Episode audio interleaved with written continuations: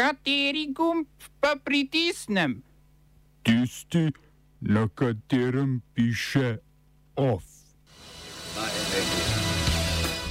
Malijska vlada je izgnala francoskega veleposlanika. Zdravniški sindikat in zdravstveno ministrstvo z neuradnim dogovorom o zvišanju zdravniških plač. Sklad York tudi uradno obvestil SDH o prodaji Save Mačarom. Kadrovanje na MMC RTV Slovenija. V kulturnih novicah odpiranje prostorskih vprašanj z Milošem Kostcem.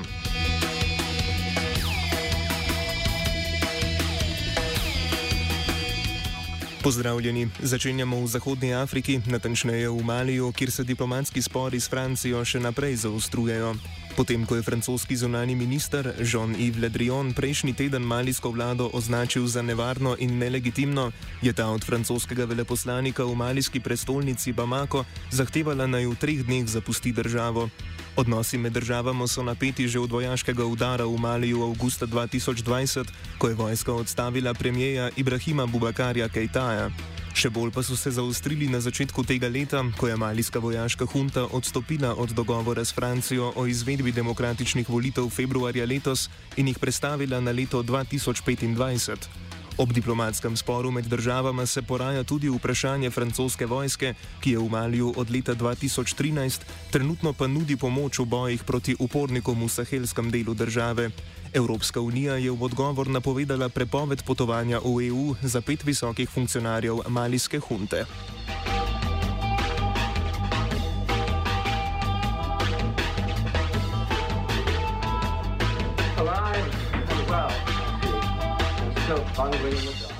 V Libiji je Ogila Saleh, predsednik parlamenta, ki ima de facto oblast le v vzhodnem delu države, javnost obvestil, da namerava parlament v začetku februarja izglasovati novega premijeja, čigar vlada naj bi imela pristojnost v celotni državi.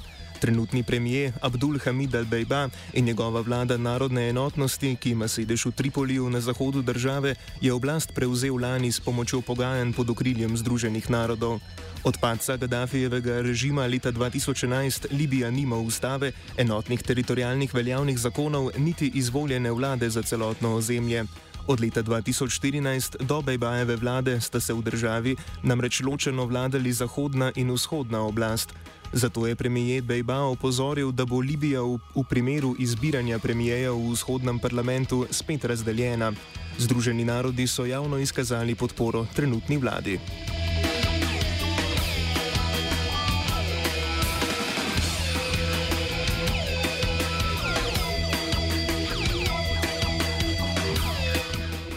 Eden vodilnih argentinskih peronističnih politikov, Maksimo Kirchner, je odstopil z položaja vodje poslanske vladajoče stranke v spodnjem domu argentinskega kongresa.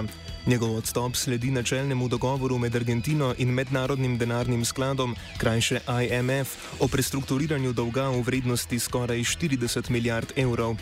Tega je vlada sklenila z IMF-om konec prejšnjega tedna.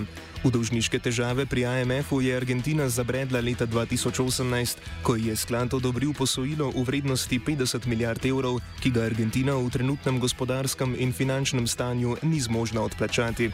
Temu posojilu je takrat Maksimo Kiršner, sin Nestorja in Kristine Kiršner, nekdanjih predsednika in predsednice, nasprotoval. Da bi načelni dogovor z IMF-om sklenjen pred nekaj dnevi postal celovit sporazum, ga mora odobriti argentinski kongres. Ta pa je po Kiršnerjevem odstopu in posledični izgubi dela moči peronistične stranke v kongresu vprašljivo.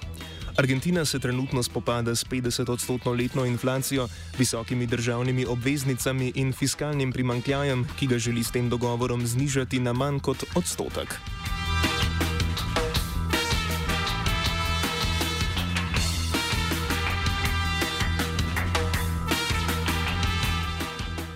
Nemško ministrstvo za gospodarstvo je blokiralo prevzem nemškega polprevodniškega proizvajalca Siltronic, ki ga je želel prevzeti tajvanski konkurent Global Wafers.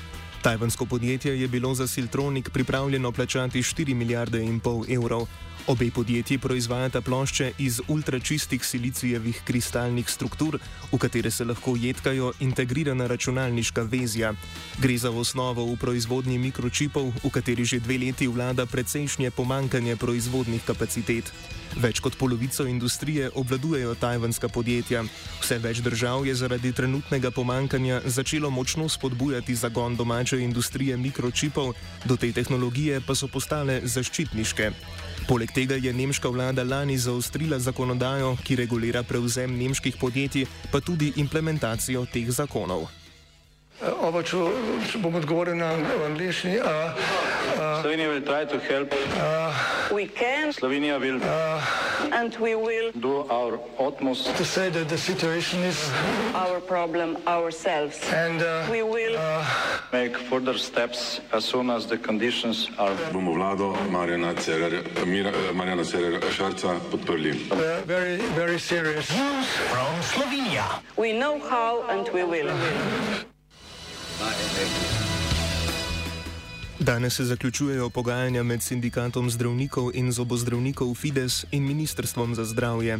Po neuradnih podatkih naj bi strani včeraj dosegli dogovor o zvišanju izhodiščnih zdravniških plač za šest oziroma sedem plačnih razredov, kar pomeni 24 odstotni dvig plače.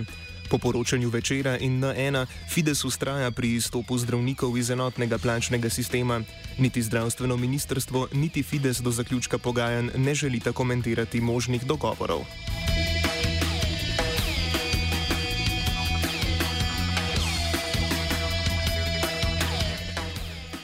Državni zbor je zaključil z drugo obravnavo predloga zakona o ureditvi posojil v švicarskih frankih.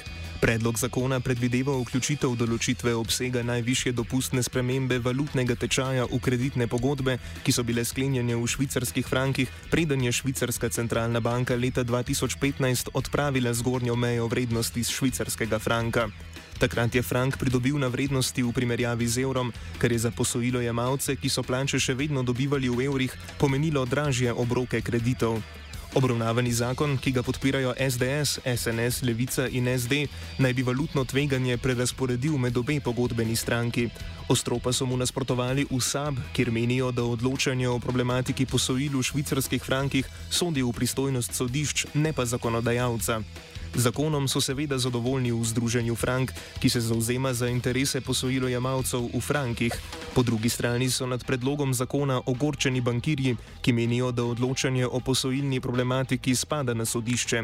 Predsednica Združenja bank Stanislava Zadravec Kaprirolo je še poudarila problematiko retroaktivnosti predloga. Če samo na kratko povzamem to, kar smo že nekaj časa komunicirali in sicer predvsem njegovo retroaktivnost, poseg v popolnoma zakonito sklenjene pogodbene odnose, kar ni uh, izjemno škodljivo samo za bančni sektor, ampak za celotno gospodarstvo, zato ker to pomeni, da nobena pogodba v slovenskem sistemu uh, potencialno ni varna pred retroaktivnim posegom zakonodajalca.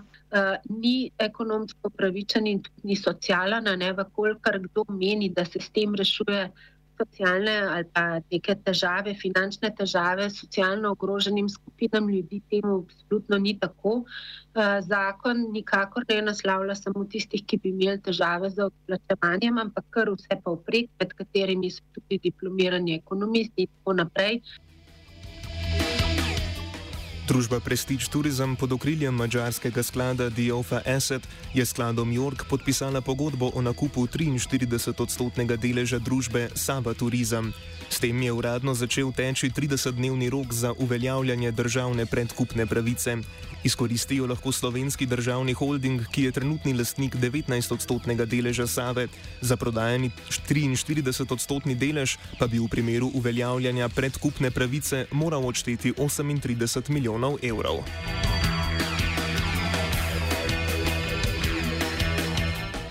Off končujemo na radio televiziji Slovenija, kjer prah še naprej dviguje kadrovska politika, tokrat v zvezi s spletnim novičarskim portalom MMC.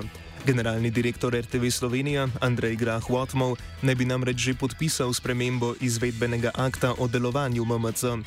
Ključna sprememba je, da urednika portala ne bosta več imenovala urednika informativnega programa televizije in radia skupaj, ampak zgolj urednik oziroma urednica na televiziji. Po odstopu Manice Janežič Ambrožič je na položaju vršilke dolžnosti urednice informativnega programa Jadranka Rebernik. Zaposleni na MMC so se na spremembo odzvali z izjavo, ki so jo naslovili na vodstvo RTV Slovenija in informativna uredništva radia in televizije. Predstavnica aktiva MMC Ana Svenšek. V uredništvu MMC smo za spremembo, kdo bo po novem izbiral našega urednika uredništva, izvedeli slučajno, potem ko je že bila objavljena v internem informatorju in naj bi s tem tudi že začela veljati. Z nami se o tem ni nihče pogovarjal, niti se niso tem, uh, o tem pogovarjali sindikati, ki bi pač morali biti uh, deležniki v uh, komunikaciji pri takih spremembah. Zahtevamo, da se ta sprememba odpravi in da se pri takih posegih spostavi razprava, pa da ima uredništvo aktivno vlogo pri izbiri našega urednika ali urednice. Urednica MMC je trenutno Kaja Jakopič, ki to funkcijo opravlja od leta 2012. Na aktivu MMC želijo, da vodstvo RTV z njimi začne dialog o imenovanju urednikov in spremembah statuta. Prav danes je sicer RTV dobil nove nadzorne organe, začeli so se namreč novi štiriletni mandati programskega in nadzornega sveta. OF je pripravil Vito.